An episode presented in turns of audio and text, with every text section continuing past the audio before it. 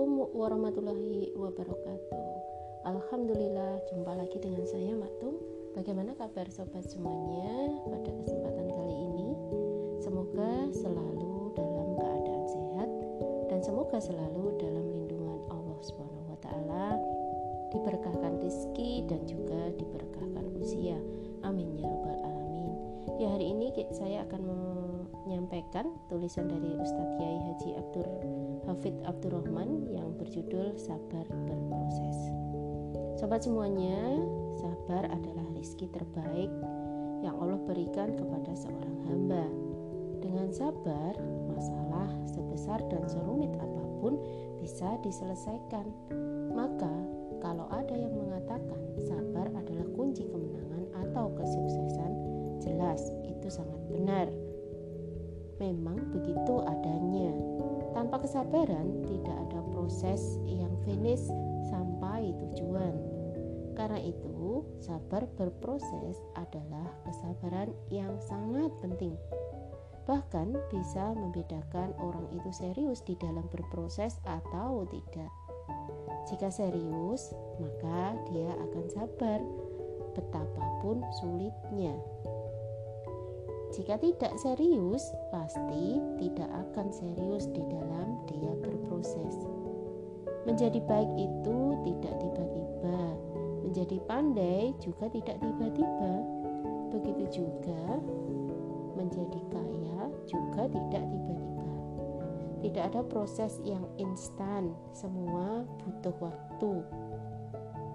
Menikah juga butuh proses sampai mendapatkan pasangan yang yang didambakan dan itu membutuhkan kesabaran.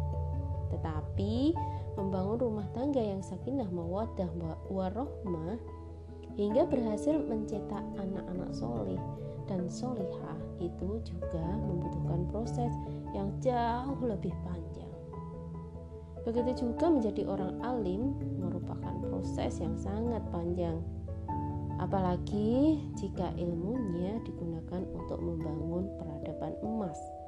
Proses berkali-kali lipat panjangnya dan dibutuhkan tingkat kesabaran yang paling utama. Maka hanya orang-orang pilihan yang bisa melakukannya. Meskipun demikian, harus diingat ya, meski dia sendiri belum sempat melihat hasil kerjanya, akan tetapi atas izin Allah perubahan itu pasti terjadi. Kuncinya adalah sabar menjalani proses. Maka sabar adalah rezeki yang terbaik dari Allah yang diberikan kepada kita di dalam segala hal. Nah, lantas bagaimana jika kita ya, eh, saat kita itu taat, kita diuji sejatinya, sejatinya itu adalah cinta dari sang kekasih.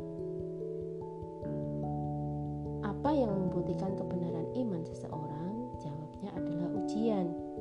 Maka kesabaran juga dibutuhkan di saat kita diberi ujian oleh Allah Subhanahu wa taala.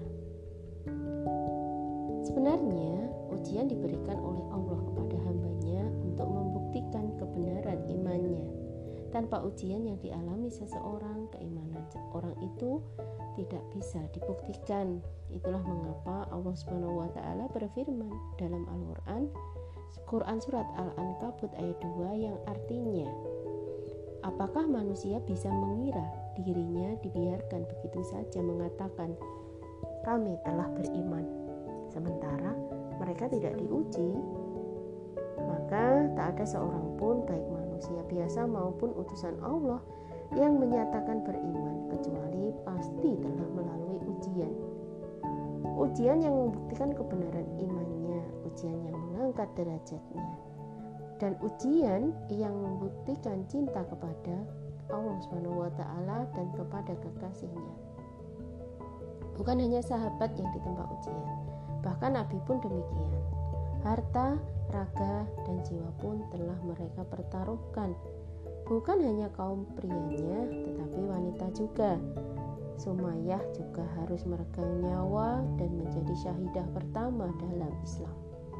Saat menghadapi penyiksaan, Nabi Shallallahu Alaihi Wasallam pun sampaikan, bersabarlah wahai keluarga Yasir, sesungguhnya janji yang Allah berikan kepada kalian adalah surga.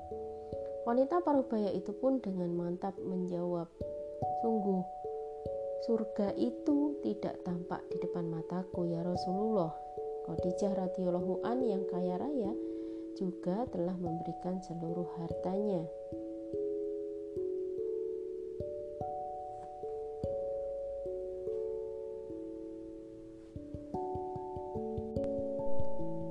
Dengan sabar, menemani, melayani, semangat kepada suami tercintanya.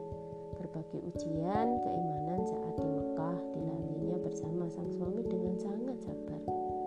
Saat usianya lebih dari 50 tahun, beliau dengan sabar mendaki Jabal Nur untuk menemani suaminya yang telah berkholwat di sana. Beliau menemani selama tiga tahun suaminya di boykot bersama Bani Hashim dan Abdul Muthalib di Abu Bakar, Umar, Utsman, Ali, Abdurrahman, Suhaib dan para sahabat yang lain telah membuktikan keimanan mereka. Ujian demi ujian mereka lalui dengan ikhlas. Mereka tidak pernah mengeluh karena bagi mereka keluhan saat diuji itu tanda tak rela dengan keputusan Allah taala. Bersabarlah kamu dengan keputusan Tuhanmu. Quran Surat Al-Insan ayat 24 Ujian itu pun mereka sadari sebagai pembuktian iman mereka kepadanya. Bahkan ujian itu telah mendapatkan derajat mereka sebagai bukti cinta Allah kepada kekasihnya. Nabi bersabda, sesungguhnya pahala yang besar itu menjadi balasan bagi ujian yang berat. Sungguh, jika Allah mencintai suatu kaum, dia akan menimpakan ujian. Siapa saja yang ridho, maka dia akan mendapatkan ridho Allah. Siapa yang tidak ridho, maka dia pun berhak mendapatkan murkanya. Hadis riwayat Ibnu Majah, Sunan Ibnu Majah nomor 4031 dinyatakan Hasan oleh Albani.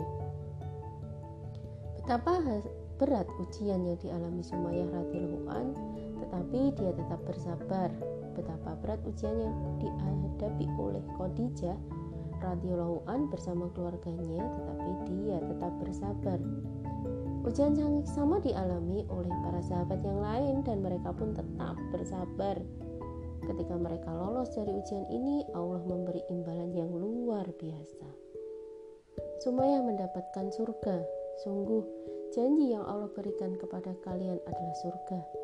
Khadijah mendapatkan salam dari Allah dan Jibril dan dibangunkan rumah di surga untuknya.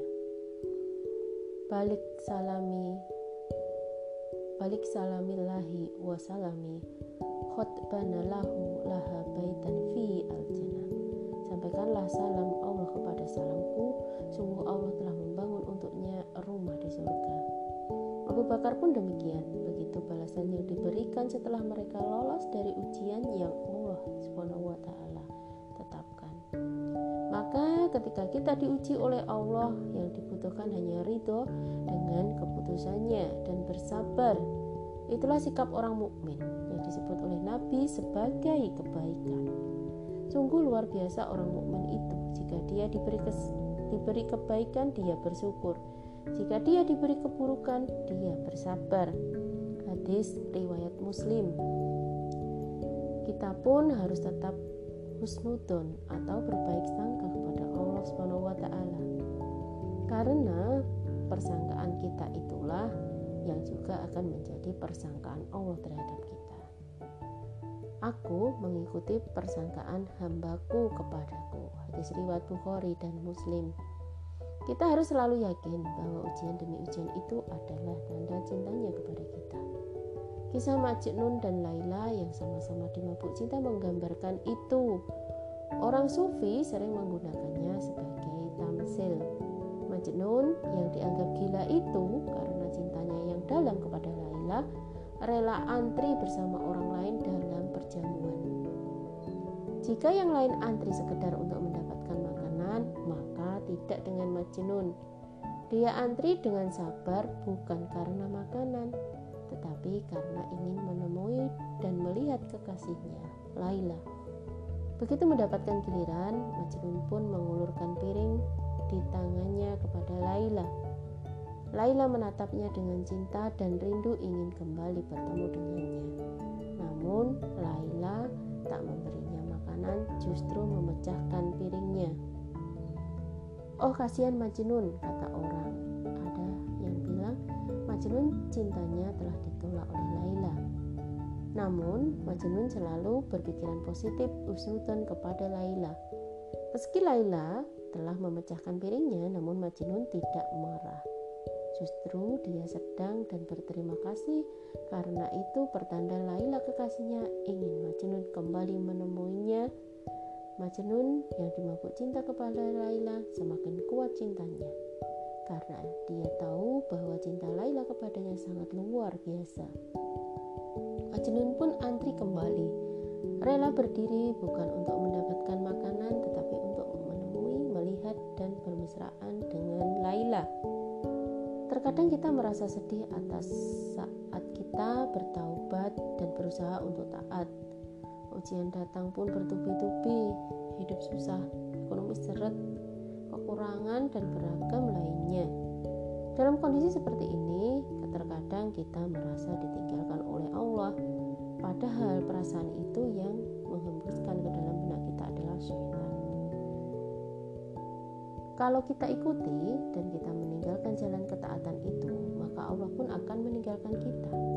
Sebaliknya, kita tidak menuruti perasaan itu, lalu kita tetap istiqomah, yakin dan selalu husnudon kepadanya, sebagaimana kisah Majnun kepada Laila, maka Allah pun akan membalas cinta hambanya itu dengan nikmat yang luar biasa. Begitulah cinta kita kepadanya dan cintanya kepada kita. Cinta yang membawa derita namun nikmat terasa. Sakit, pedih, dan gundah pun tak akan terasa karena kita sedang dimabuk cinta. Itulah derita cinta yang harus kita alami agar kita raih cinta kekasih abadi kita, yaitu Allah Subhanahu wa. Alangkah indah ungkapan cinta Al-Busri dalam bait qasidah burdahnya. Kenapa kedua matamu tetap meneteskan air mata, padahal engkau telah berusaha membendungnya? Dan kenapa hatimu senantiasa gundah gulana, padahal engkau telah menghiburnya. Apakah orang yang dimabuk cinta menyangka bahwa api cinta dapat ditutupi nyalanya di antara tetesan air mata dan hati yang terbakar membara? Andaikan tak ada cinta yang menggores kalbu, tak mungkin engkau mencucurkan air matamu meratapi puing-puing kenangan masa lalu. Berjaga mengenang pohon dan gunung yang kau rindu. Bagaimana kau dapat mengingkari cinta sedangkan saksi adil telah menyaksikannya berupa derain air mata dan jatuh sakit amatlah sengsara. Duka nestapa telah membentuk dua garisnya, isak tangis dan sakit, lemah tak berdaya, bagai mawar kuning dan mawar yang melekat pada pipi dua.